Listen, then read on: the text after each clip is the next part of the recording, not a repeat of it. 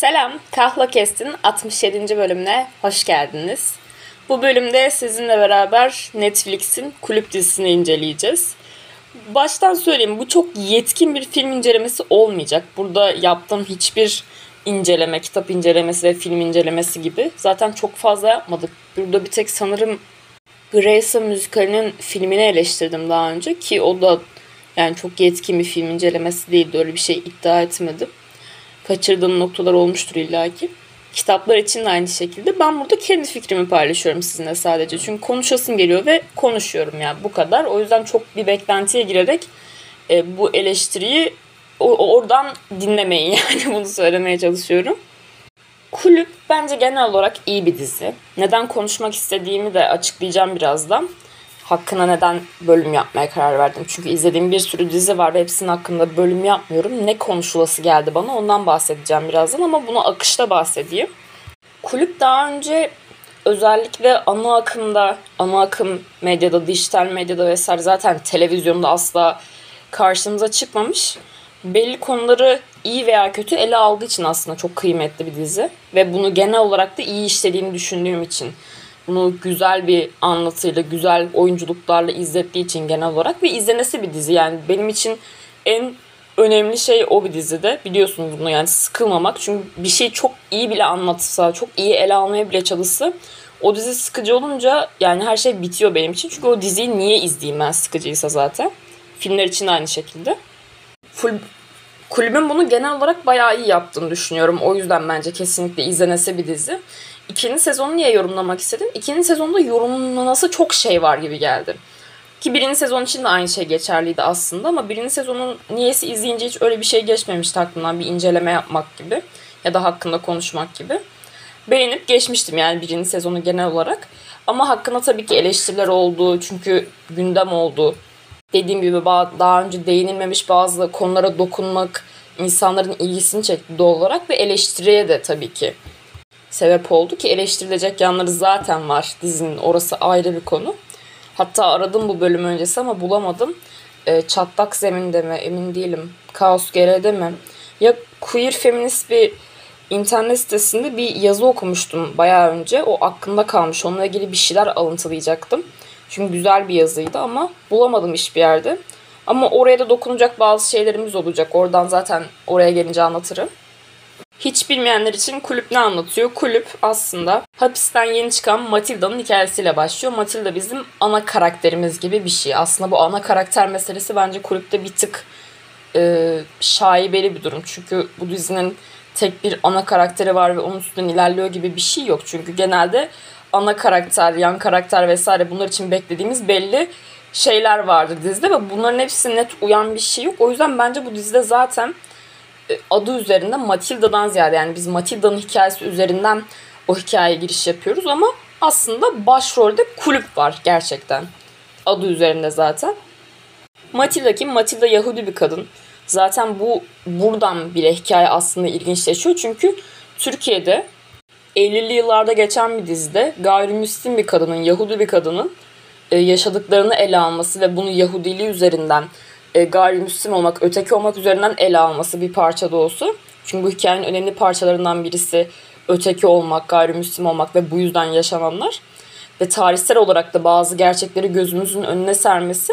Bunun ne kadar iyi yaptığı tartıştır, oraya girmiyorum.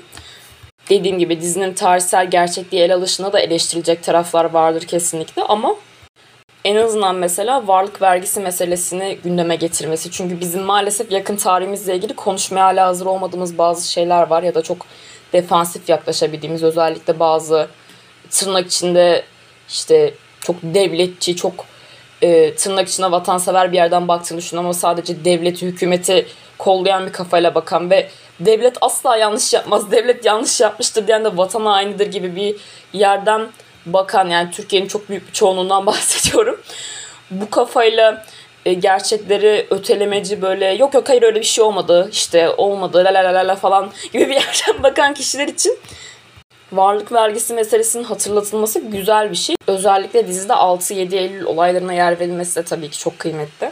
Çünkü bu özellikle Türkiye'de yaşayan gayrimüslim insanlar için ve sadece gayrimüslim insanlar için değil de yani Türkiye'nin çok büyük bir travması aslında. Ötelenmeye çalışılan ve konuşulmayan. Çünkü bu meseleleri biz tarih dersinde falan görmüyoruz. Zaten yakın tarihi görmüyoruz. Gördüğümüz zaman da objektif bir şekilde görmüyoruz ya da e, birilerinin istediği biçimde görüyoruz. Çok kısır bir şekilde zaten okulda bize verilen müfredat bunları biliyorsunuz zaten. Ama en azından mesela hiç bilmeyen birisi için ya bir dakika varlık vergisi neymiş ya bu dizide bahsediliyor da ne bu deyip bir Google'dan bir Google aramasıyla ya da basit ufak e, YouTube'dan belgesel videoları izleyerek gerçek ama yani gerçekliği olan tarafsız e, şeyleri izleyerek mesela bu konu hakkında bilgi sahibi olması çok kıymetli bir şey. Çünkü birçoğumuz maalesef çok böyle bir bilinçle yetiştirilmedik. Özellikle ailesel olarak belli travmalara sahip değilsek ya da köken olarak belli ne bileyim ayrıcalıklara sahipsek e, maalesef insanlar bu konuda çok e, kör bir şekilde büyütülebiliyor. Mesela herkes için sadece Yahudiler için ya da gayrimüslim insanlar için değil yani bu ülkede zaten çok fazla yaşadığımız travma var tarihsel olarak da yakın tarihte.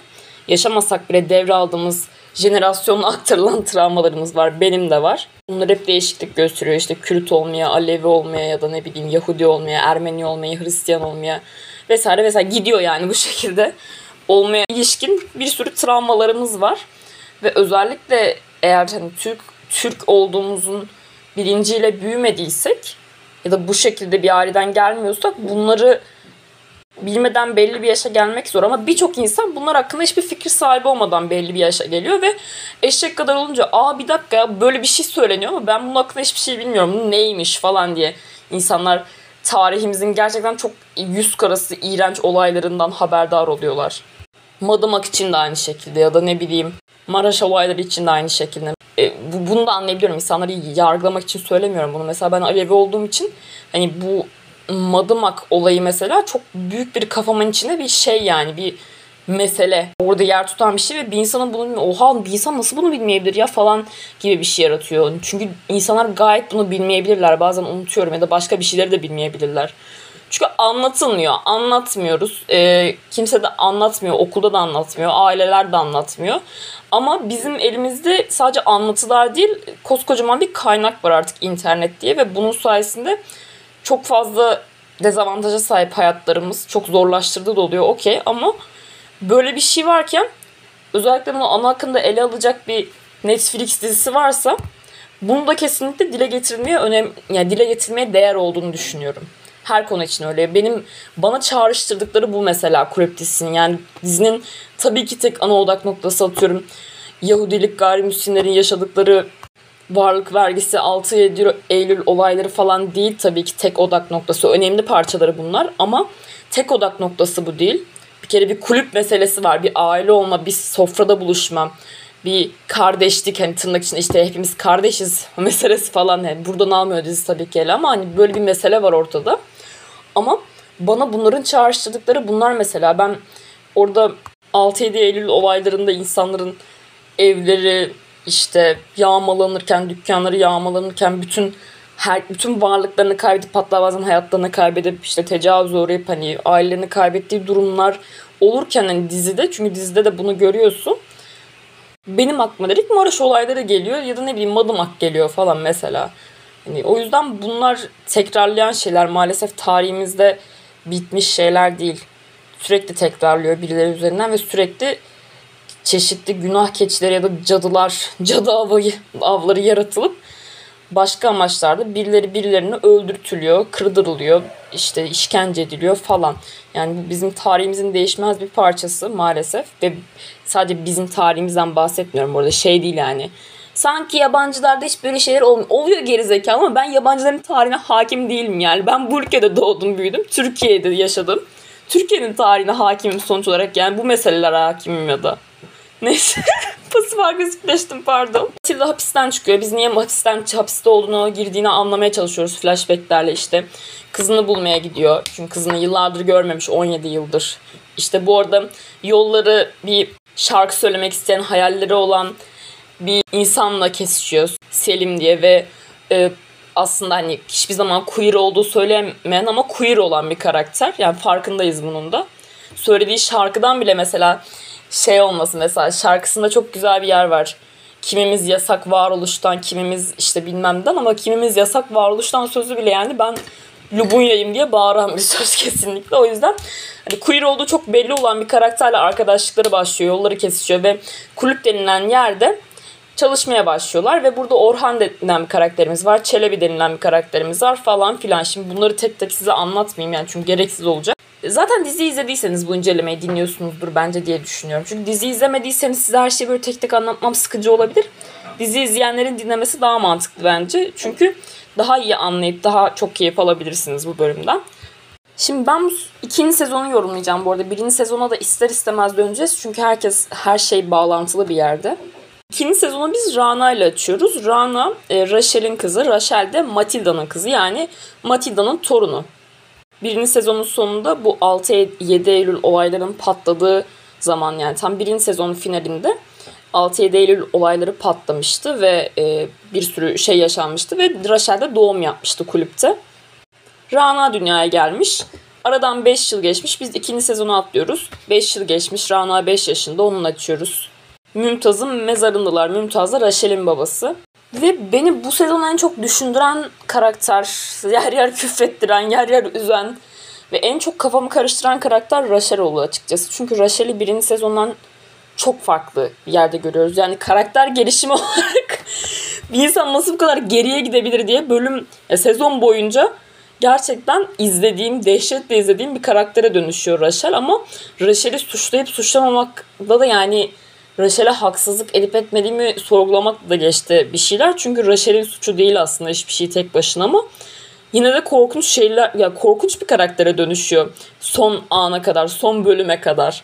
Finalde toparlıyor okey ama sezon boyunca gerçekten çok fazla e, korkunç tavrını, korkunç kararını izliyoruz ve özellikle zaten annelikle olan bu ilişki işte Rana'nın annesi dizide Rachel bu arada Rana e, üzerinden gideceğiz bu ikinci sezonda hep. E, size şöyle de bir bilgi vereyim. Ben de yeni bilgi sahibi olduğum konuda. Rana aslında kulübün senaristlerinden birinin gerçek hikayesi. Rana gerçek bir kişi yani ve senaristlerinden birisi bu dizinin. Hatta muhtemelen en çok e, katkı sağlayan senaryoya o kişi. Dolayısıyla anlıyoruz ki bu kişiler gerçek insanlar aslında. Yani her olay gerçek olmayabilir ama birçoğu gerçek muhtemelen. Çünkü Rana gerçek, babası Rachel, İsmet gerçek ve Matilda'nın hikayesiyle başlayıp aslında iki kuşak önceden atlayıp bize hikayeyi vermiş burada senarist. O yüzden biz aslında gerçek bir şey izliyoruz. Bu da bunu da bilmek kıymetli bence. Şimdi biz sezon boyunca aslında Rachel'in annelikle ilgili sıkıntılarını izliyoruz.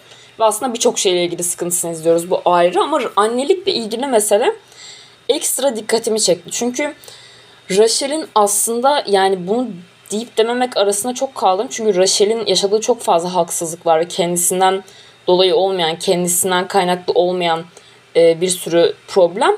Rachel'i günah keçisi yapmak istemiyorum ama Rachel sezon boyunca o kadar kötü bir anne oluyor ki birçok yerde. Yani bunu dememek evde değil. Hani zaten şey de demiyorum. Hani bunu acaba haksızlık mı ediyorum diye düşündüğüm bir yerde İsmet'e yani mesela İsmet de kötü bir baba ya iyi bir baba değil zaten mesela ama yani Rachel'in yaptığı birçok şey sezon boyunca çok bencilce ve çok anlayamadığım bir yerden yani böyle inanılmaz antipatikleşmiş karakter. Ya yani birinci sezonda böyle asi, dik başlı ve öfkesinin nereden geldiğini çok iyi anlayabildiğimiz karakter. Çünkü yani annesi babasını öldürmüş ve bunu da annesi saklıyor. Sezon sonunda öğreniyor bunu da. Ve yıllarca yetimhanede büyümüş. Annesini hiç görmeden yıllar sonra annesi çıkıp geliyor diyor ki ben senin annenin beraber yaşayacağız. Çok normal yani bir insanın bu kadar travma üstüne öfkeli olması vesaire. Okey. İsmet'le beraber olmak da yanlış bir karar belki. Ya gerçi İsmet'le ilişkileri çok şey yani. Yani 16, 17, 18, 19 yaşındaki her geri zekalı genç insanın yaşayabileceği gençlik aşkı yani tamamen aslında ama buradaki sıkıntı da işte çocuklarının olması, hamile kalması. Aslında hamile kalmasa muhtemelen bu kadar olaylar çetrefillerle gelmeyecekti. Çünkü ortaya bir çocuk gelince bir anda bütün o toksik ilişkinin rengi değişiyor yani. Çünkü hani gençlik aşkı ya saçma sapan ilişkileri var işte böyle hani derken böyle yani işler çok daha travmatik ve trajik bir yere doğru gidiyor ki zaten ikinci sezonu tanımlayabileceğim en iyi kelime trajik çok trajik bir sezondu. Yani ben çok yani ilk defa çok fazla acı, dram şeyini hissettim. Birinci sezonda çünkü bu kadar yoktu ki birinci sezonda da çok acı olaylar vardı ama bu kadar trajik, bu kadar acı değildi sanki bir şeyler. Bilemiyorum. Şimdi Rachel'in en büyük sıkıntısı aslında bence bu hamileliğin aslında planlı bir şekilde olmamış olması, anne olmaya kesinlikle hazır olmaması ve aslında Rachel'in hala çok genç bir kadın olması ve hayatını yaşamak istemesi. Yani bunu çok açık bir şekilde bize gösteriyor. Bunlar alt metin falan değil yani. Bunlar dizide bildiğiniz söyleniyor bize. Ve Rachel'in aslında bir sezon sonunda anlıyoruz ki Rachel'in aslında ikinci sezondaki bütün bu yanlış kararların, yanlış davranışların çocuğuna bu kadar bok gibi davranmasının sebebi aslında hala Matilda'ya olan kızgınlığı ki bu çok doğal bir şey bu arada. Çünkü anneniz babanızı öldürdüyse yani siz, siz bunu yıllar sonra anneniz çıkıp gelip sizi aldıktan sonra öğrendiyseniz yani bu çok büyük bir travma ve bunun için hiç yüzleşmemişler. Hiç yüzleşmediler. Daha doğrusu bir vakit olmadı. Matilda işte bu konuda kendisine hiçbir açıklama yapıp özür dilemedi doğru düzgün. Ki ikinci sezonun sonunda göreceğiz bu özürü. Aslında yani özür olacak bir şey değil tabii ki ama Matilda'nın da e, anlattığı hikayesini gördüğümüz için olan şey şu. Matilda'nın ailesi varlık vergisinden dolayı acı çeken ve Aşkale'ye taş kırmaya gönderilip orada ölen bir ailesi var ve bütün hayatı mahvedilmiş. Bütün e, varlığı, işte ailesi, e, evi, barkı her şeyinden alınmış bir genç kadın ki bunları yaşarken 17-18 yaşında falan muhtemelen yani. Ve bunları e, yapanın kendisini ihbar edenin o dönemin işte o dönemin adamlarıyla işte her dönemin adamı vardır ya o dönemin adamlarını da e, çalışanın onları ihbar edenin e, evlerindeki çalışan ve kendi sevgilisi olan Mümtaz olduğunu öğreniyor.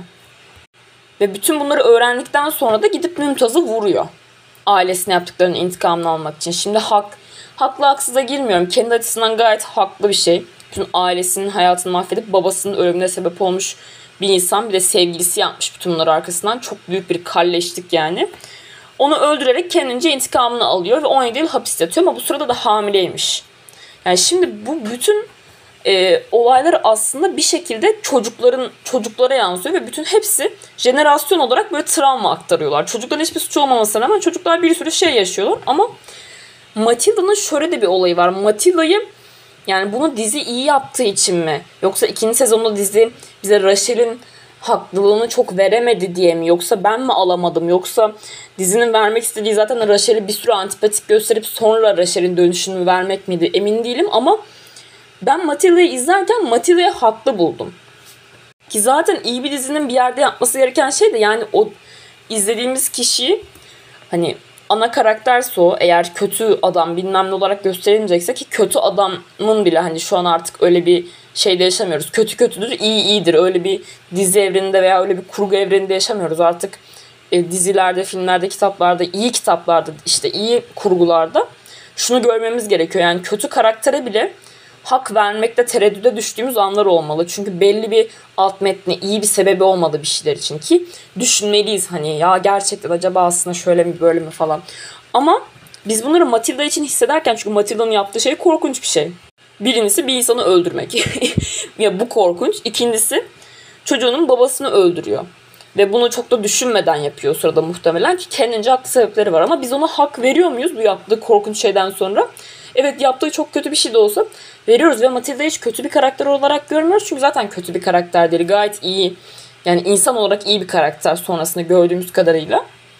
Ama bize Rachel'de bunu vermiyorlar. Çünkü Rachel e, kötü bir şey yapıyor da sonrasında ama biz onun hani hak veriyoruz, sebepleri olduğunu anlıyoruz falan olmuyor.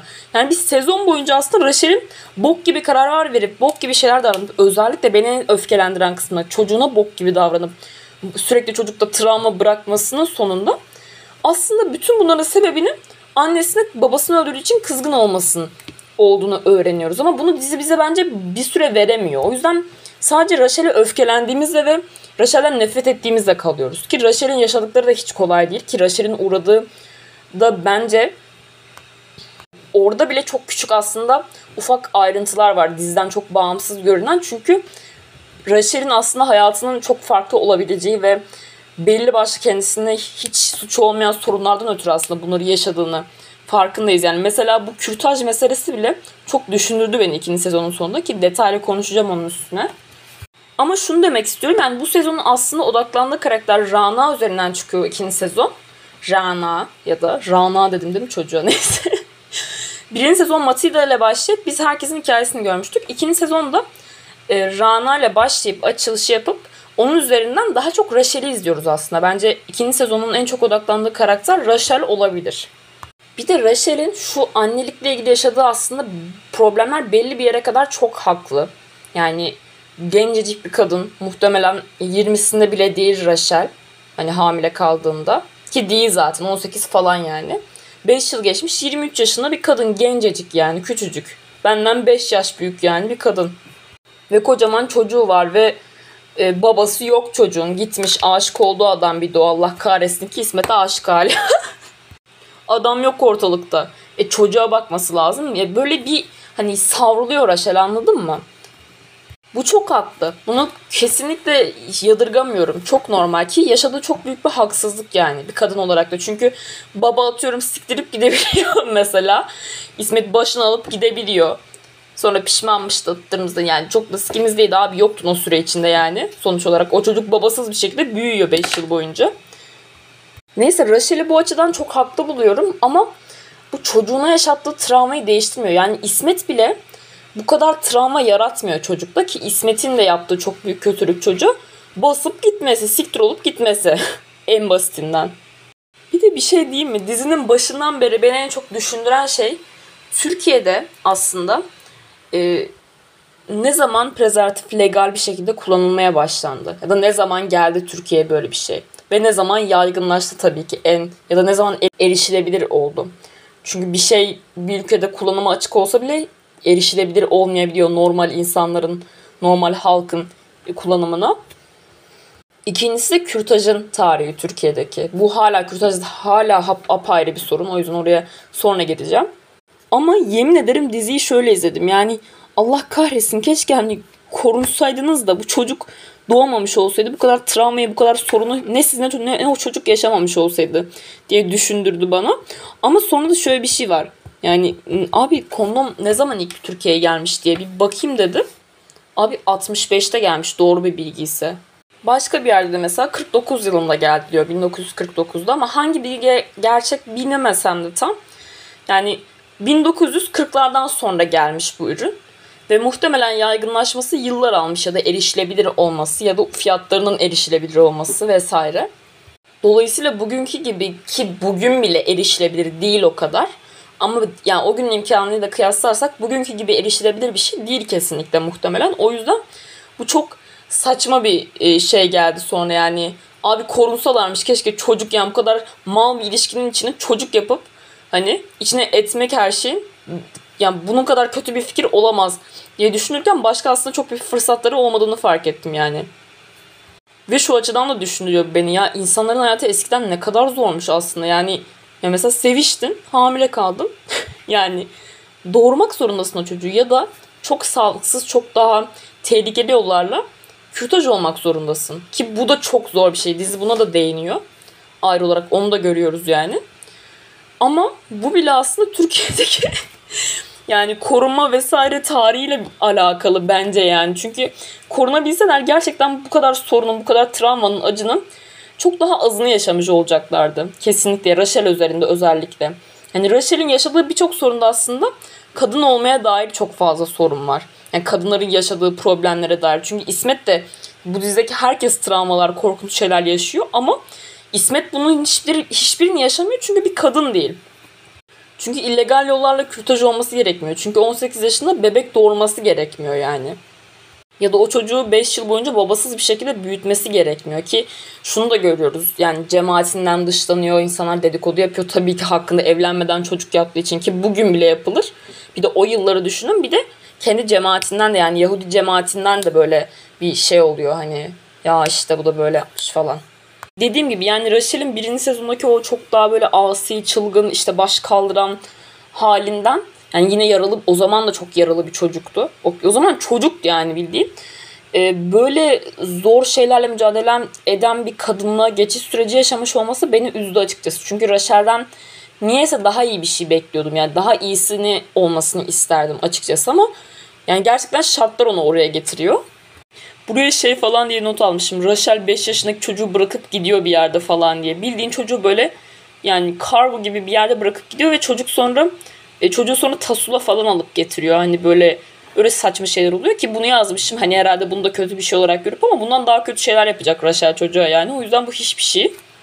Özetle yani Rachel'in beni sezon boyunca irite eden, en büyük irite eden özelliği yaşadıkları çok ağır, çok travmatik vesaire olmasına ve öfkeli olmakta çok haklı olmasına rağmen annesine olan öfkesini küçücük çocuktan çıkarması ve kendi çocuğundan çıkarması. Artı olarak çok bencil olması. Yani bir yerde şöyle bir şey söylüyor. İşte bir şeyler oluyor mesela kulüple ilgili. Kulüple ilgili her şey çok gıcık oluyor başlarda mesela. Yere batsın kulübünüz işte bilmem ne. Sanırım Matilda'yı kulüpten kıskanıyor. Bir de böyle bir şey de var. Biraz hani kendisine annelik yapmamış ya Matilda yıllarca yani yıllar sonra çıkıp gelmiş. Annelik falan yapamamış doğal olarak ve Matilda'nın kulüp için bu kadar canla başla mücadele etmesi, kol kanat gelmesi onu sanırım kıskandırıyor bir yerde. Çünkü kulüpten yani kulübe ait hissetmiyor. Yani ben de o sofranın partisi değilim falan. Bu muhabbet yapılıyor bir yerde. Ama yine de yani bu kadar şey olmasına rağmen sürekli bir kulübü boklama, sürekli işte ne bok yerseniz yiyin abi falan modunda olması ve sonra yapacakları Rachel'i çok bencil bir karaktere dönüştürdü benim gözümde. Yani travmatik şeyler yaşamış olması onu bu kadar bencil olmasına bilmiyorum şey yapmıyor. Gözünde böyle onu haklı yapmıyor yani. Neyse Rachel meselesini bir burada bırakalım. Daha gideceğiz de orada. bu tarafta bir kalsın. Şimdi beni e, çok ım, rahatsız eden ve bu okuduğum yazılarda da aslında çok büyük bir rahatsızlık ve sıkıntı olarak gördüğüm şeylerden birisi, okuduğum şeylerden birisi de Çelebi'nin e, karakteri yani Çelebi meselesi. Çelebi meselesi. Çelebi karakterinin e, dizi tarafından nasıl gösterildiği. Şimdi Çelebi birinci sezonda iğrenç bir tip olarak gösteriliyor ve sonra biz öğreniyoruz ki Çelebi aslında Matilda'nın ailesinin işte bu varlık vergisi meselesi ortaya çıkıp ailesi mahvolmadan önce Çelebi ailesinde işte böyle çaycılık yapıyormuş büroda öyle bir şey. Ve işte böyle ezilen büzülen bir karaktermiş tamam mı? Ve bu Mümtaz da onun kuzeni mi neymiş? Ya akrabası aslında ve Matilda'ya o dönemden beri aşıkmış bu Çelebi. Matilda'ya aşıkmış ama Matilda ile Mümtaz sevgiliymiş. Sonra Mümtaz'ın e, iğrenç biri olduğu konusunda Matilda'yı uyarmaya da çalışıyor ama olmuyor bir şeyler. Ve sonra zaten Mümtaz ihanet ediyor aileye. Matilda'nın ailesi mahvoluyor falan filan. Sonra işte yıllar sonra Çelebi işte çalışıyor ediyor büyüyor kulübün işte bir şeylerinden oluyor tamam mı? Sahibi değil de bir şey orayı yönetiyor yani neyse. Şimdi Çelebi'nin yaşadıkları bizim görebildiğimiz bu kadar. Tamam Çelebi e, aşk hadisi çekmiş yıllarca Matilda aşık kalmış ıttır zıttır tamam okey. Ama bu Çelebi'nin iğrenç bir karakter olduğunu değiştirmiyor birinci sezonda özellikle. Ve ikinci sezonda birdenbire aklanması ve Matilda ile gerçekler ortaya çıkınca, Matilda öğrenince gerçekleri, bir anda Matilda ile hani böyle ilişkileri başlayınca bir anda bütün karaktere bakışımızın değişmesinin beklenmesi veya dizinin, dizinin bütün karakteri gösterişinin değişmesi bana inanılmaz geldi. Yani bu şey algısı hani aşkla her şey düzelir. Düzelmez abi iğrenç birisiydi yani Çelebi. Çelebi küçücük kızları odasına çağırıp onlarla böyle orada çalışan kızları sömüren hani tecavüz bile diyebiliriz buna ki Tasula'ya da Tasula meselesi apayrı bir mesele zaten. Tasula da orada çalışan dansçılardan birisi. Bir sahnede biz Çelebi'nin Tasula'nın e, şeyini aldığını, hüviyetini aldığını yani kimliğine el koyduğunu duyuyoruz. Bu iğrenç bir davranış zaten. Yani iğrenç bir yönetici zaten. İğrenç davranıyor oradaki insanlara ve oradaki kızları da sömürüyor yani bildiğin aslında. Ama bir sahnede şunu da görüyoruz. Tasula'ya bildiğin tecavüz ediyor. Yani Tasula orası bize tecavüz gibi gösterilmiyor. Ama yani tecavüz yani o kızın hani o kızın onu yapmak istemediğini biliyoruz orada. Ve çok iyi korkunç bir sahne. Ve bütün bunlar olmamış gibi sonunda böyle hani her şey la la lom Çelebi aşkla düzeldi. Öyle mi kanka? hani, hani Çelebi'nin ya ben bir şey ya ben bir şey kaçırıyorum ya da Çelebi'nin bize e, nasıl dönüşünü hiç veremediler. Çünkü ben bir insanın yani bu kadar kolay aklanmasını hani küçücük kızları sömüren, oradaki çalışanlara bok gibi davranan, iğrenç bir insan olan ki başta Matilda'ya da bok gibi davranan, Tasula'ya tecavüz eden bildiğin ya da tecavüz demeyin bunu yani tecavüz olarak görmeseniz bile şey yani istismar eden onu, kullanan, sömüren bir insanın Matilda'yı bulduktan sonra, Matilda'nın aşık olduktan sonra her şeyi unutup böyle çok düzgün bir insana dönüşmesini ben anlayamıyorum. Çünkü ikinci sezonda tam olarak bu oluyor. Ve bu bir yerde fail aklayıcılığa da giriyor. O yüzden diziye bu konuda yani bunu en sorunlu taraflarından birinin bu olduğunu düşünüyorum dizinin. Hatta tek olabilir belki benim açımdan. Çünkü daha sorunlu bir şey görmedim. Yani Çelebi'nin bu kadar aklanması, bu kadar ne bileyim yani kötü Çelebi'nin iyi adam olması dizinin çok garip bir şey yani. Çelebi'nin aşkı mı bana geçmiyor bilmiyorum yani Çelebi'nin o aşıkmış Matilda'ya muhabbeti bana geçmiyor yani. Aşıksa aşıkmış abi. Bu hani sen yoksan ben bok gibi, yarrak gibi bir insan olacağım. Herkes sömüreceğim, ta işte tecavüz edeceğim, hüviyetlerine el koyacağım. Bok gibi davranacağım bütün hayatı herkese. Ama senle beraber olunca ben artık harika birisi olacağım. Ya ben buna inanmıyorum tamam mı? Birisi ya birisi siz gittiğinizde bok gibi bir insana dönüşüyorsa veya sadece sizinleyken iyi bir insansa o zaten iyi bir insan değil demektir yani. Bilmiyorum bu bana çok manasız geliyor. Çelebi karakteriyle de ilgili en büyük rahatsızlığım bu aslında. Sırayla notlarıma bakarak gidiyorum bu arada. Ve Tasula meselesine girmişken de Tasula'da e, bilmiyorsanız yani dinliyorsanız bunu ama dizi izlemediyseniz birinci sezonda e, Rachel'in arkadaşı olarak gördüğümüz Rum'du sanırım. E, işte o da gayrimüslim yani onu anlayın. Rum işte Hristiyandı bir de. E, dansçı bir kız kimsesi olmayan. Bu kız e, birinci sezonda önemli bir karakterdi bu arada. Yani olayların içinde olan böyle işte ne bileyim dik bir duruş olan dominant böyle işte hayatla bağı olan seksi falan bir kadınken hatta bir ara işte bu ilk olarak şeyin İsmet'in manitası olarak giriyor diziye. Sonra Rachel işte İsmet'le beraber oluyor da bilmem ne de falan. Hatta o bence bu da çok büyük bir hani bunun üzerine yeterince düşünülmemiş, düşünmemiş kim gibi kimse dizide. Yani Rachel bildiğin gidiyor. arkadaşının sevgilisiyle takılıyor.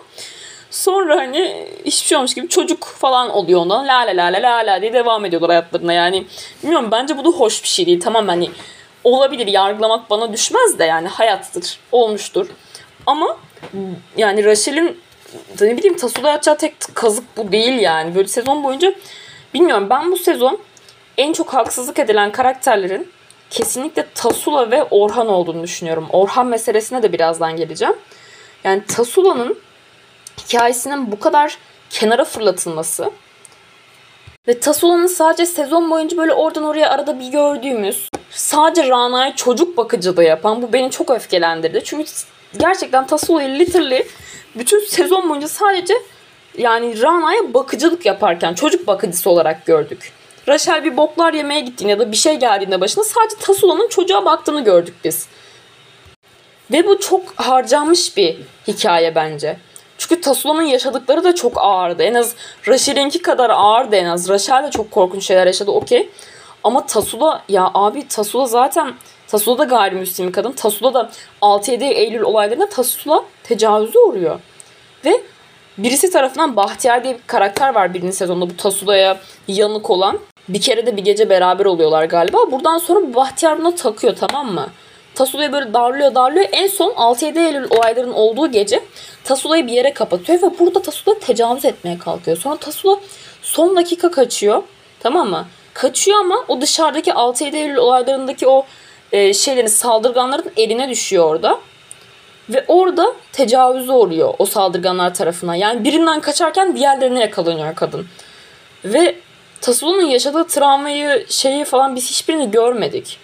Yani Tasula o sezonun sonunda gidip kulübe sığındığında gidip Çelebi ile aynı masada oturup böyle herkes hani hepimiz kardeşiz çok mutluyuz la la la sofranın etrafındayız muhabbetine dahil olabiliyor yani ki Tasula'nın biz gerçekten yaşadığı travmayı hiç görmedik. O kadın tecavüze uğramıştı yani. Ve Çelebi de onu daha önce sömüren, ona iğrenç davranan, korkunç şeyler yapan birisiydi. Ve Çelebi aynı masada oturabilmesi yani çok ve Çelebi'nin hiçbir suçu yokmuş gibi ya da Çelebi'nin suçunun amızın istenmesi çok garip bir şey. Ve Çelebi birinci sezonun yani birinci sezonda böyle şeyken ikinci sezonun iyi adamına dönüştürülüp Tasso'nun hikayesinin bir kenara fırlatılması çok büyük bir haksızlık bence dizinin yaptığı karaktere.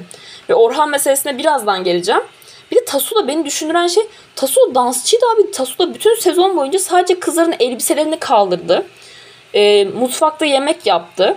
Böyle hani do, şey neydi domestik ezilip büzülen kenarda sadece basma bir elbise olan üstünde böyle hani şey bir karaktere dönüştü böyle hani böyle başı eğik böyle şey Hani ama bu, bu çok büyük bir haksızlık bence bu karaktere yapılan. Yani bu karakter daha iyisini hak ediyordu kesinlikle.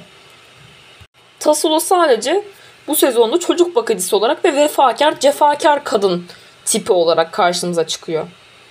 Bir de ayrıca Tasula ile Rachel dostluğunun da tamamen harcanması bu sezon neredeyse hiç görmememiz de çok büyük bir rezalet. Bence bu da Tasula yapılan çok büyük bir haksızlık. Çünkü Rachel itip duruyor Tasula'yı sürekli. Bütün boklukları yapan kendisi Rachel'in. Ya sen gitmişsin abi manitasından çocuk yapmışsın. E, adamla yetmedi evlenmişsin manita olmuşsun yani bir, sence hani senin bir trip atman gerekiyor ama Tasula ile tamamen bağını kesiyor gibi bir şey Rachel. Bu da bence çok saçma sapan olmuş. Ve yine bu da Rachel'i antipatik gösteriyor bize. Tasula'dan e, son kez şeyden bahsetmek istiyorum. Tasula'nın birinci sezonun sonunda bu 6-7 Eylül olaylarında işte saldırganlar onu götürürken Bahtiyar arkasından gidiyor işte. O benim sevgilim lan nereye götürüyorsunuz falan yapıyor.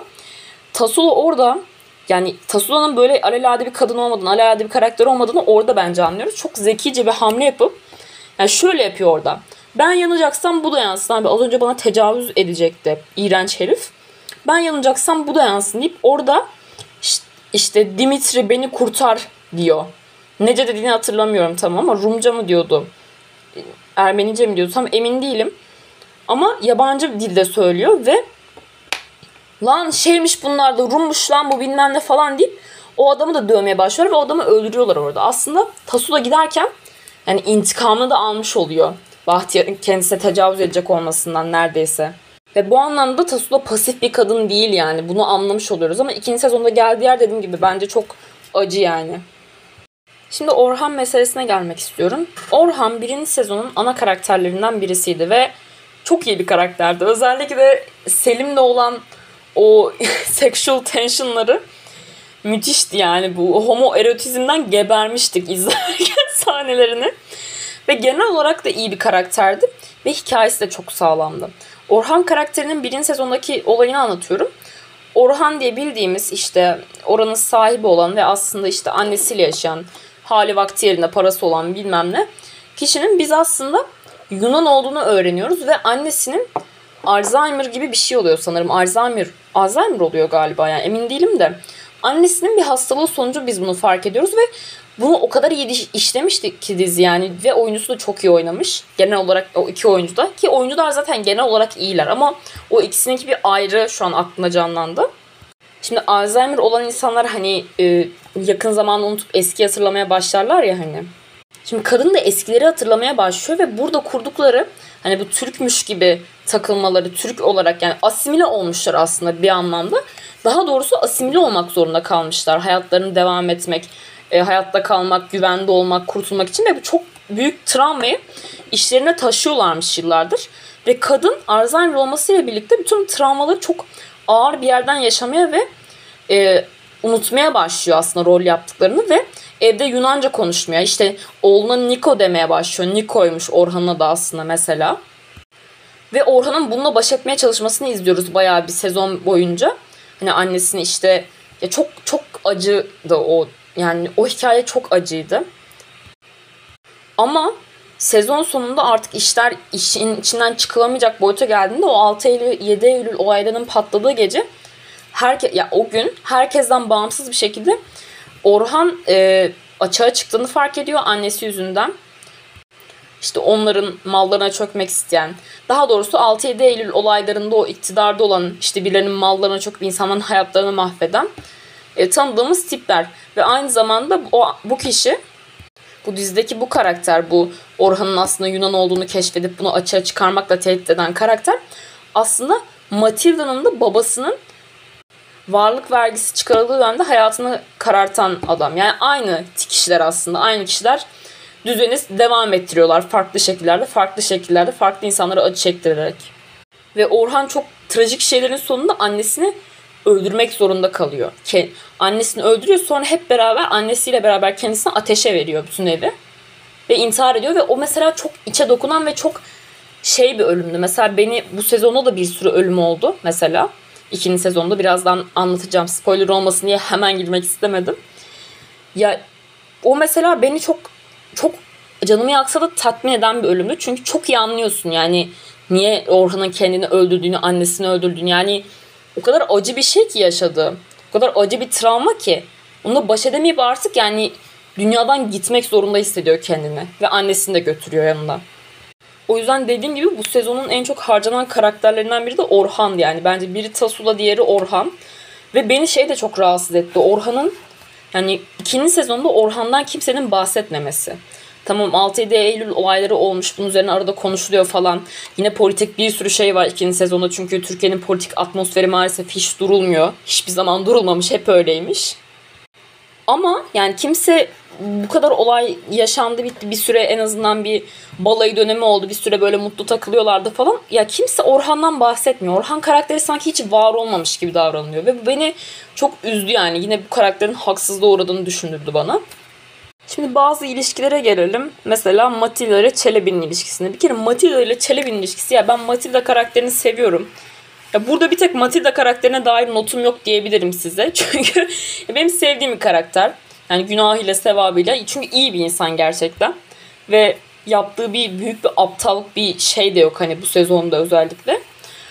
Ama Matilda ile Çelebi'nin romantizmi beni gerçekten böyle ee, yani böyle baygınlık geçirtiyor bana bilmiyorum. Bana zaten yaşlı romantizm de yani 40 yaş artı romantizmi de baygınlık geçirdiği için olabilir belki ama yani Çelebi hiçbir zaman Matilda'nın gözünden göremediğim için muhtemelen veya Çelebi'nin aşkına hiçbir zaman ikna olamadığım için de olabilir. Sevemiyorum yani hız yani bir tek onların sahnelerini bir de iki tane mal kötü adam giriyor diziye onların sahnelerini boş sahneler diye hızlandırıp geçtim yani sadece. Diğer her şey daha izlemesi zevkliydi. Bir de Mal Çelebi diye not almışım. Mal Çelebi Matilda'ya durduk yere bir tartışma anı, kulüple ilgili bir tartışma var. Bir konuda anlaşamıyorlar tamam mı? Bir anda Matilda'ya diyor ki senin kızınla torunun hırsızlık yapıyor haberin var mı? Ve bu doğru bu arada. E, Rachel küçücük çocuğu Rana'yı da yanına alıp böyle çeşitli yerlerde hırsızlık yapıyor tamam mı? Bunu biz bölümün ilk başında görüyoruz. Yani birinci bölümün ilk başında. Ve yani zaten Rachel'in yaptığı mallıklar ve kötü davranışlar listesinin e, bir yerinde bu da sadece. Yani bir tanesi sadece bu da bunlardan. Ama Çelebi'nin durduk yere Matilda'ya saçma sapan böyle senin çocuğunla torunun hırsızlık yapıyor falan demesi de yani zaten Çelebi karakterini sevmezken iyice böyle gözünde böyle bir eee falan hani yaptırttı. Zaten e, bunların ilişkisine böyle bir yorum yapabilirim. Bana geçen bir ilişki olmadı bu e, iki sezon boyunca. Hani belki Orhan'la Selim çok iyi olabilirlerdi. Başka bir evrende, başka bir hayatta, başka bir Türkiye'de. Ama olamadı ikisi de. Tasula'nın işte sonradan Hacı karakteriyle bağ kurması falan ve evlenip çocuk yapmaları tatlı yani Tasula'yı da böyle evlendi, barklandı, çoluğa çocuğa karıştı falan diye kenara atmaları da bir tık sinirim bozduğu için oraya da çok girmiyorum. Onlar harici yani bizim toksik ilişki 101 şeyimizin bütün hepsini karşılayan İsmet ve Rachel'in ilişkisi. Şimdi İsmet ve Rachel bile diyemiyoruz. Çünkü neden? Beni en sinirlendiren ve rahatsız eden şeylerden birisi İsmet gerizekalısının birinci sezondan itibaren Rachel'e Aysel demesi. Yani Rachel'in Rachel olduğunu, yani onun kim olduğunu, onun kişiliğini, onu olduğu gibi asla kabul edip sevmemesi. Onu Aysel diyor. Ve bu sezon boyunca devam ediyor. Hatta Rachel gerizekası gidip kimliğini Aysel diye değiştirip Türk yapıyor kimliğini ve Müslüman oluyor. Ve bunu sadece İsmet için yapıyor. Yani bu kadar benliğinden vazgeçmesi. Yani tamam onun kararı ismini değiştirmek. Belki e, Yahudi olmamak da onun kararı ya da gayrimüslim olmamak ya da öteki olmaktan artık yorulması falan bunlar hani için onu yargılayamayız belki ama kendinden bir adam için bu kadar vazgeçmesi beni çok öfkelendiriyor. Çünkü bütün sezon boyunca yani Rachel'in bencillikleri dedim ya hani sürekli İsmet İsmet İsmet diye gezen bir karaktere dönüşüyor bir noktada. Ve bu arada bir not birinci sezondan unutanlar için İsmet Rachel'e tokat atmıştı. Yani seviştikten sonra İsmet Rachel'e Rachel demişti ki ona benim adım Aysel değil benim ismim Rachel Yahudiyim demişti ve kıza çat diye tokat atmıştı. Yani bu da aslında ilişkilerinin ne kadar iğrenç bir ilişki olduğunu gösteriyor bize. Ve orada da bitmiyor ilişkileri zaten bitmesi gerekirken. İsmet böyle saçma sapan bir şekilde kaçıp gitmiş tamam Yunanistan'a mı gitmiş nereye gitmişse artık yabancı bir yere gitmiş. 5 yıldır yok adam ortalıkta. Rachel de her Allah'ın günü mektup yazmaya devam ediyor İsmet. Yani böyle de bir istikrar. Neyse. E, yargılamak istemiyorum ama yani herkese bu kadar vurduğum duymaz ve bu kadar bok gibi davranıp sadece İsmet'i önemsemesi bana inanılmaz aptalca geliyor. Yani kendi çocuğunu bile İsmet kadar önemsemiyor gibi geliyor bir yere kadar. Tamam sezon sonunda yine biraz toparlıyor ama ya İsmet de ayrı dava zaten ki İsmet birinci sezona göre bence yani en çok karakter gelişim gösteren karakterlerden birisi yani İsmet tamam İsmet Raşel'e vurdu. İsmet iğrenç şeyler yaptı. Okey. Ama ikinci sezonda gerçekten Raşel'den çok daha iyi bir karakter gelişimi gösterdi. En azından yani geldikten sonra iyi bir baba olmayı bir nevze olsun Raşel'den fazla denediğini düşünüyorum. Yani Raşel gibi en azından çocuğu tokat atmadı mesela. Oraları da anlatacağım. Bu arada evet İsmet kaçıp gitmişti ve geri geliyor saçma bir şekilde. Ha saçma bir şekilde dediğimde şu, şu da şöyle bir bencillik. İsmet babasının, kendi babasının, babası da iğrenç birisi, babasından nefret ediyor. Kendi babasının çocuğunu yani kızını, e, yani torununu nüfusuna alacağını öğrenince geliyor. Niye? E, şey çünkü hani kendi nüfusundan olmayacak o çocuk. Böyle de bir bencillik yani. Ve İsmet gelince Rachel Malu'nun hiç İsmet'e niye gittiğini asla sormaması ve İsmet'e mal mal hala aşık olması beni çok öfkelendiriyor. Dediğim gibi belki Rachel'in biraz fazla üstüne gidiyorum. Çünkü Rachel de hiç normal şeyler yaşamadı.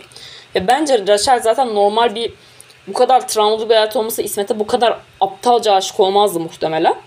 Ve İsmet gerizekası hala Rachel'e şey falan diyor işte. E, Rachel benim için o caddede öldü falan hani. Böyle saçma sapan. Ve İsmet mesela İsmet bana bu sezon çok daha sempatik geldi Rachel'den çok garip bir şekilde. Bir sahnede şöyle bir şey söylüyor Rachel'e. Rachel hırsızlık yaptığı zaman bir yakalanıyor tamam mı? Bunu İsmet çıkarıyor. İşte ve Rana bu arada arkada Rana hikayeyi anlatıyor. Rana şey gibi bir şey söylüyor. Yani Rachel'in her şeyi sevilmek için yaptığını söylüyor aslında. O ailenin bir parçası olmak için ya da belki Matilda'nın sevgisini kazanmak için ya da belki Matilda'dan bir özür bir şey alabilmek için babasının yasını tutabilmek için falan. Ama bunların hepsini sadece çocuğuna yansıtıyor. Yani sadece sanki şey gibi geliyor bana hani gücü sadece çocuğuna yetiyor 5 yaşındaki çocuğa ve ondan çıkarıyor bütün şeyini. Bu bana çok öfkelendirici geliyor. Ve şöyle bir şey söylüyor.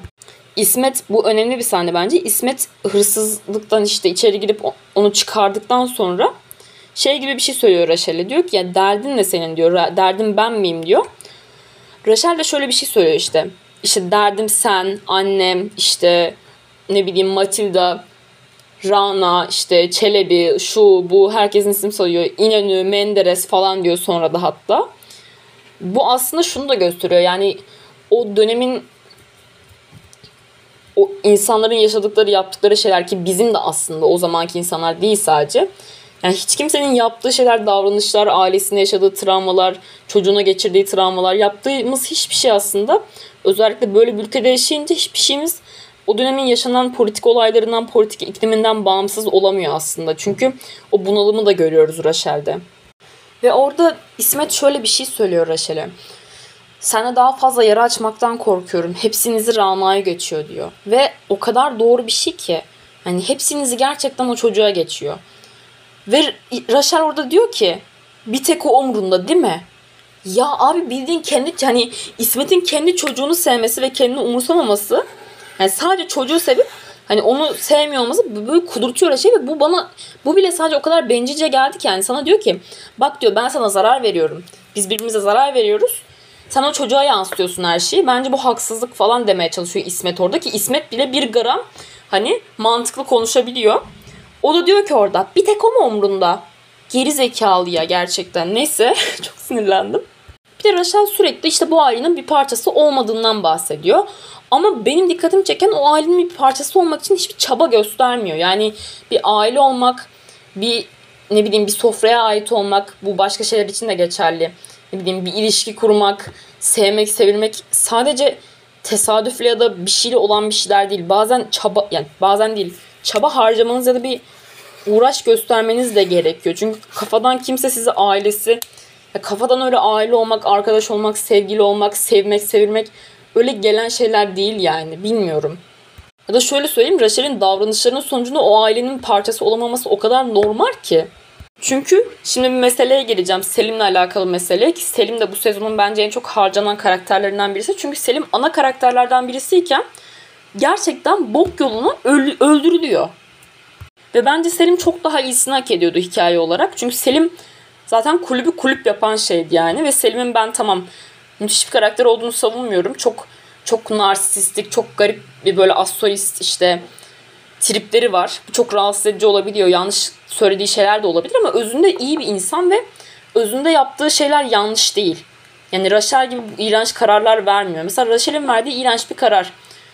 Geri zekalı orada astrolist bir kız var. O da ayrı dava zaten ona hiç girmeyeceğim. İşte Selim'i kıskanıyor. Selim de ona bok gibi davranıyor, ezikliyor falan. Bu kız gidiyor Selim'in şeyine uyuşturucu koyuyor masasına ve onu ihbar ediyor. Abi Selim hapse atılıyor. Kulüp kapanma tehlikesine geliyor ve Rachel bunu görmesine rağmen hiçbir ses çıkarmıyor. Bu o kadar büyük kötü bir kötülük ki. Çünkü Rachel'in Selim'e yaptığı çok büyük bir hainlik bence. Çünkü Selim onu seven, kollayan, işte ona ünlü olduğunu hediyeler alıp gelen, ona çok iyi davranan. Yani Selim de onun ailesinden birisi gibi geliyor ve hani Rachel'in karakter gelişiminin de burada bok edildiğini görüyoruz. Çünkü Selim'in neden Selim'in masasına uyuşturucu koyulup sonra ihbar edildiği sırada Rachel neden ne yapıyorsun abi sen saçmalama deyip o kıza engel olmuyor orada. Niye göz yumuyor buna? Ve sonra aynı kız tarafından Selim öldürülüyor bir sahne, bir sahne kazası gibi gösterip o kız onun ölümüne sebep oluyor. Ve Rachel bunu sonradan öğreniyor. Ve öğrenmesine rağmen de hiçbir şey yapmıyor bir süre. Tamam sonra gidip ih- ihbar ediyor ama bir iki bölüm geçiyor orada abi. Yani Selim ölmüş, herkes yasta, senin annen, kulüp herkes mahvolmuş. Senin çocuğun mahvolmuş. Çünkü o da Selim'i çok seviyor Rana.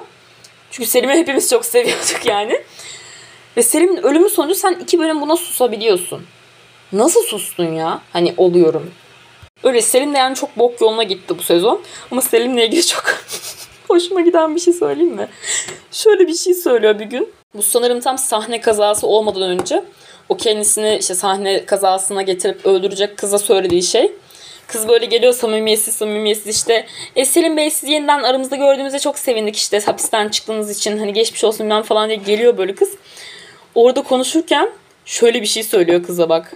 Çok çok iyi lan. şöyle bir şey söylüyor. Çünkü geberdiğin ana kadar beni bu sahnede izleyeceksin orospu diyor gidiyor. o kadar slime hareket ki. Kız böyle mal gibi kalıyor falan. Bu çok komik bir yer bence orası. Bunda notu almışım hoşuma gittiği için. Hep kötü şeylerden bahsedecek halimiz yok herhalde. Neyse işte Selim öldü tamam mı? Bu ilk ölüm dizideki ve ilk ölüm değil pardon. Yani ikinci sezonun ilk ölümü ve hiç beklemediğim bir yerden geldi. Yani ben ölmesini o kadar beklemiyordum ki Selim'in. Ben hastaneye kaldırılır, işte felç kalır. Sonra felç kaldığı için işte hayattan vazgeçer ama onlar onu kaldırmaya çalışır. Kulüp halkı, kulüp ailesi onu ayağa kaldırmaya çalışır falan diye düşünüyordum ama öyle olmadı. Bildiğim pat diye öldü adam yani. Şöyle bir saçmalık. Rachel gidip bu öldüren kıza ya sen mi yaptın bak git itiraf et şöyle böyle falan diye ona konuşmaya çalışırken Rachel'e şey diyor o kız. E, Selim'in ölümünde senin de sen de ortaksın diyor. Bunu da niye söylüyor? Selim'in kasasına bir şeyin uyuşturucu koyulmasına göz yumduğu için. Bir kere ne alaka? Tamam. Rachel'in yaptığı orada çok büyük bir kalleşlik. Okey. Ama ölümü ortak olmak ne alaka? Böyle saçma sapan bir şey yapmışlar. Sanki Rachel de suçu ortağıymış gibi. Böyle itiraf edemiyor falan gidip işte onun yaptığını falan. Bu saçma sapan bir şey yani. Bir de dizimizin bir kötü adamı var yeni sezonda giren. Bu hani demiştim ya size işte Orhan'ın ölümüne sebep olan falan ve Matilda'nın ailesini mahveden bir adam vardı ya. Onun oğlu, biz onun oğlu, oğlu olduğunu sonra öğreniyoruz. Onun oğlu geliyor işte. Başta anlayamadığımız saçma sapan bir şekilde diziye dahil oluyor. Ha sonra biraz daha bence hani alt meton oluyor hikayesinin ama başta bir çok alakasız giriyor. Yani ben şey gibi hissettim hani abi çatışma yaratacak bir şey lazım bize bu sezon. Hani biz de bunu koyalım gibi ama aslında çatışma yaratacak çok şey var dizide. Yani ekstradan bir de böyle gereksiz eğrisi duran bir kötü karaktere gerek yoktu. Çünkü bence eğriti durmuş bu karakter bu dizide. Bir de başta biraz hani alt metni çok eksik geldi ama sonra onun da motivasyonunu anladık falan. Niye yaptığını bunları falan. O, ona bir şey diyemeyeceğim ama bence yani gerek yoktu. Bu sezon yeterince sorunumuz vardı. Mesela sadece Rachel'in Rachel'in annesine neden kızgın olduğunu daha iyi işlenip sadece onların dinamiği üzerinden gidilseydi bile bence daha iyi bir şey çıkabilirdi ortaya. Çünkü zaten politik olaylar, politik atmosfer bizi zaten çok korkunç bir yere götürecek. Hani o dönemde de çünkü ifade özgürlüğünün kısıtlanmaya başlamasının çok güzel gösteriyor dizi bize sürekli. işte şarkı sözleri sansürleniyor falan. Eylemler var. Türkiye her zaman olduğu gibi çok karışık ve zaten sezonun sonunda da sezon finalinde de hani önceki sezon 6-7 Eylül olayları olmuştu ya finalde. Bu sezonun finalinde de 60 darbesi oluyor. Yani asla nefes alamıyoruz rahat bir şekilde ve dizi bize bunu çok güzel gösteriyor. Yani diyor ki asla soluk aldırmayacağız size çünkü Türkiye böyle. bize de aldırmadıkları için bize bu dizide size soluk aldırmayacağız. Ha bu arada bir detay daha vereyim. Az önce vermedim. Bu kötü karakter olarak diziye eklenen Fikret'tir, ıttır zıttır da bunlar da e, o 6-7 Eylül olaylarında gayrimüslim insanların gayrimenkullerine, dükkanlarına çöken, gasp eden e, hırsızlar aslında. Ve dizide bize bu da gösteriliyor. Bu da bence güzel bir detay. Çünkü bunlar gerçek yani insanların yani bildiğim gayrimüslim insanların elindeki sermayeyi almak için aslında yapılmış bir şey 6-7 Eylül olayları. Yani birçok şey bahane aradaki. Çok tatlı bir şey var bu arada. Ee, onu not almışım. Hep kötü şeylerden bahsetmeyelim. Tasula bir sahnede Paskalya Bayramı'nın ilk şey sanırım. Ee, Paskalya Bayramı için yumurta kaynatıyor işte renkli falan böyle. Ve e, yanında Raş, Ra, Rachel diyecektim. Rana var.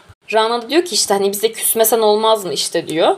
O da diyor ki hayır diyor Paskalya'nın ilk bayram pazarı biz size hep küseriz diyor. Rana da orada çok tatlı bir şekilde burada Rana'yı oynayan çocuk oyuncu çok tatlı bir oyuncu ve bence çok da iyi oynamış yani yaşına göre. Ve çok tatlı bir kız hani böyle. Şöyle şey diyor işte çok saçma falan diyor işte. işte sonra Tasola da açıklamaya başlıyor. Diyor ki işte İsa peygamberi bir Yahudi işte şikayet ettiği için bilmem ne yaptı ve ölümle sebep olduğu için biz size işte ilk pazar hep küseriz Paskalya'nın ilk pazarı Yahudileri.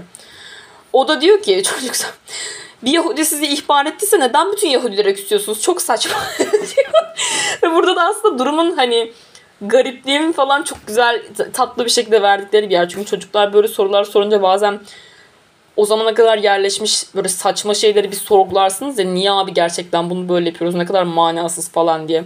O da tatlı bir detay olmuş onu da söylemek istedim.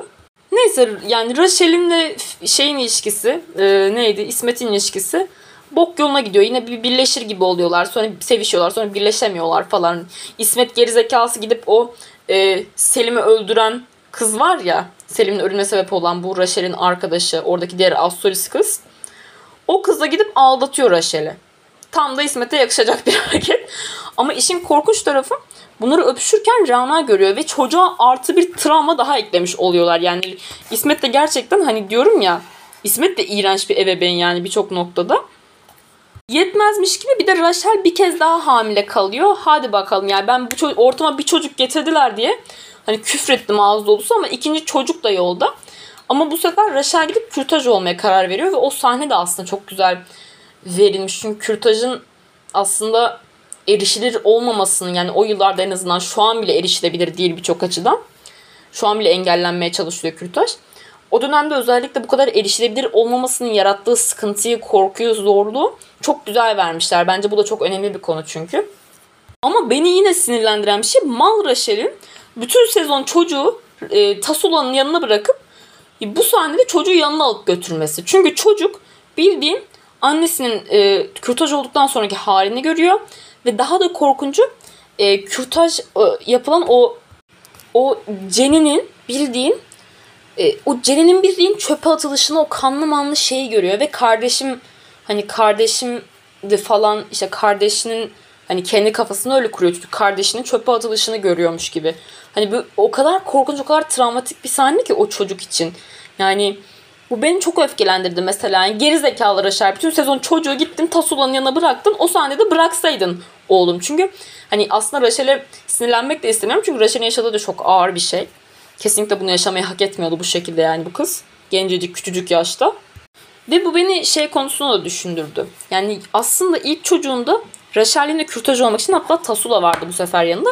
Yine kürtaj olmaya gidiyordu ama kürtaj o kadar yani ortam o kadar korkunçtu ki ben ben de kaçıp giderdim yani ortamda. Ortam o kadar korkunçtu ki e, Rachel kalkıp gidiyordu. Ve zaten o çocuk da Rana aldırmadığı çocuktu yani. O çocuğu da büyütüyordu ve Rana alıyordu o çocuk tamam mı? Ve aslında hani kürtaj olmamak Rachel'in seçimi birinci sezonda gibi gözüküyor ama aslında düşündüğümde bir yandan da değil yani Rachel'in seçimi.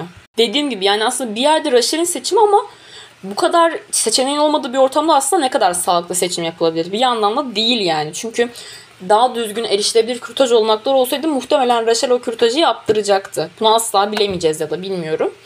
Yani niye bunları düşündüm? Mal İsmet şöyle bir şey söylüyor. Kürtaj olduğunu öğreniyor. Ee, Rachel'in ve şey diyor. Şöyle bir şey söylüyor. Doğururken de sormuyorsun, öldürürken de sormuyorsun. Geri zekalı aptal sen bu kızı aldattın. 5 yıl boyunca bir çocukla bırakıp gittin. Hani bok gibi davrandın. O kıza tokat attın. O kızı olduğu gibi kabul etmedin. Bir de üstüne gelmiş. Yani İsmet hani tamam babalık anlamında çocuğa hani iyi şeyler yaptığı yerler oluyor ama yani insan olarak yine iğrenç birisi yani bence çok bir şey değişmiyor hani. Ve yine aslında Rachel'e bok gibi bir şey yapıyor yani. Diyor ki öldürürken de doğururken de bana sormuyorsun diyor. Gerizekalı kızın seçimi bu. Beni çok öfkelendiren bir şey de şöyle bir şey söyleyeyim. Yani şöyle bir şey oluyor. Kürtaj olduktan sonra yolda yürüyor. Çocuk da yanında, Rana da yanında. Rachel'in bacaklarından kan gelmeye başlıyor tamam mı? Rana da çok korkuyor. Çocuk çünkü 5 yaşında çocuk. Kana bakıyor diyor ki anne ölecek misin diyor. Sonra Rachel tokat atıyor Rana'ya. Yani çocuğa bu yüzden tokat atıyor ve çocuğun yaşadığı travmayı düşünemiyorum. O kadar korkunç ki. Travmalar bununla da bitmeyecek. Son trajik olayımıza geldim. E, Matilda'nın ölmesi. Matilda'nın ölmesi çok acı. Çok acıttı beni. Bir tek orada aldım sanırım. Yani çok aldım Matilda'nın ölmesinde. Çünkü kesinlikle bunu hak etmemişti. Yani Selim de bunu hiç hak etmemişti ama Matilda gerçekten çok bok yoluna gitti. Yani çok hiç hak etmedi bunları yaşamayı. Ve ilk defa mutlu olacaktı falan hayatında yani. Kulüp kapanma noktasına gelmişti ama o en azından Çelebi'yi ne kadar onaylamasam da mutlu olacaktı. Ama öldürüldü. Ve bunu da e, Keriman yani Selim'i öldüren kişi yaptı. Ve aslında bu sahnede de bildiğin Rachel'in suçu biraz da yani. Çünkü Rachel sala gidip daha erken onlara söyleseydi gidip hani bakın Keriman yapmış Selim'in ben öğrendim falan deseydi bütün bunlar olmayacaktı belki de ama Matilda bildiğim boku bokuna vuruluyor. Ve bence Rachel'in de suçu bu.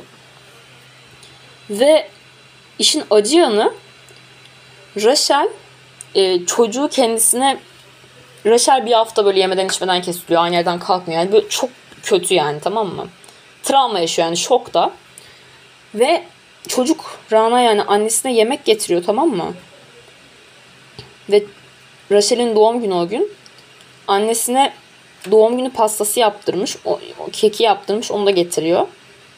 Çocuk çocuk annesini seviyor her şeye rağmen. Çocuk çünkü. Ve Rachel orada şöyle bir şey şöyle diyor. Senin yüzünden kimsesiz kaldım. İşte keşke seni hiç doğurmasaydım falan diye bağırıp çocuğun üstüne koşmaya başlıyor. O kadar korkunç bir sahne ki orası. Çocuğun üstüne gidiyor ve çocuğa dövüyor. Çocuk çat diye yere yapışıyor. Yani tokat atıyor falan çocuğa. Bu o kadar korkunçtu ki yani. Gerçekten Rachel'den nefret etmenin son noktasına geldim. Sonra işte ya burası çok kötüydü mesela ve sonra tabii ki çok pişman oluyor.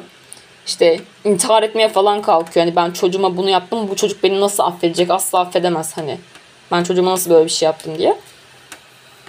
Sonra bir şekilde etmiyor ve e, kulüpteki insanları bir araya toplamaya karar veriyor. Yani aslında Matilda'nın yerine geçmeye karar veriyor. Yani Matilda'nın sürdürdüğü, kurduğu sofrayı devam ettirmeye, annesinin mirasını almaya karar veriyor.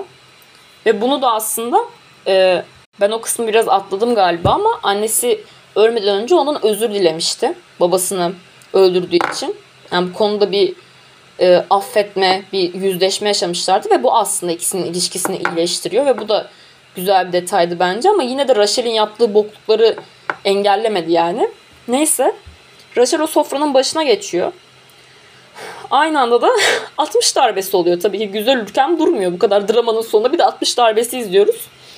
Ve e, dizinin sonunda bize verilen mesaj yani o darbe yaşanırken insanlar değişir. İşte adamlar değişir ama düzen hep devam eder bu şekilde. Yani birileri hep bizim soframıza çomak sokmaya çalışacak. Birileri hep bu düzeni devam ettirmeye, bize zulmetmeye çalışacak. Ama biz bu sofrayı devam ettirmeye çalışabiliriz her şeye rağmen. Gibi bir mesajı vardı ve dizinin aslında sonu hani şey bir yerde gitmiyor kesinlikle. Pembe bir yerde bitmiyor. Yani aslında çok birazcık pesimist bir yerden bitiyor. Çünkü şöyle bir şey söylüyor Rana. Hani o gün anladık ki yani keder bu ülkeyi hiçbir zaman terk etmeyecek ve keder bu ülkede hep bizimle olacak. Yani biz o gün bunu anlamıştık o sabah diyor. Ama bu sofrayı korumamız gerektiğini de anlamıştık. Gibi bir yerde aslında çok ucu açık bir şekilde askerlerle, Rana'nın askerleri görmesiyle, sokağa çıkma yasayla darbeyle özette bitiyor. Yani şöyle söyleyeyim. Eleştirilecek çok şey vardı bu sezon. İlk sezonda da bazı şeyler vardı. Ve ben ilk sezondan sonra bu sezonu beğenmeyeceğimi düşünmüştüm ilk. İlk bir iki bölümde öyle düşünmüştüm. Ön yargılı davranmışım ama bence bu sezonda çok iyi bir sezondu. Eleştirdiğim şeylerde hala bazı karakterlerin ve hikayelerin harcandığını düşünüyorum. Ve Rachel karakterine de ya iyi aktarılamadığını ya da gerçekten çok bencil bir yere gittiğini ve son dakika toparlasa da bunun beni tatmin etmediğini düşünüyorum. Belki başkalarını etmiştir. Ama dizinin doğru yerlere parmak bastığını düşünüyorum yine de çünkü hani bu kadar şey oluyor ama bu durmayacak. Düzen değişmiyor. Değişmeyecek de. Başımızdaki adamlar değişecek sadece gibi bir yere varması aslında çok çok doğru ve gerçek bir yer. Şu an yaşadıklarımıza düşününce hiçbir şey değişmiyor yani. Hiçbir şey değişmemiş o günden bugüne. 50-60 yıl olmuş ama değişmemiş. Bu bölümü böyle kapatmak istiyorum. Bence kulüp çok güzel bir dizi. İzleyin. Sizin de yorumlarınız varsa ya da böyle dizi incelemeleri yapmamı istiyorsanız ya da film incelemeleri bana Kahrolent'ten ulaşabilirsiniz. Sizi öpüyorum. Başka podcastlerde görüşmek üzere. Bay bay.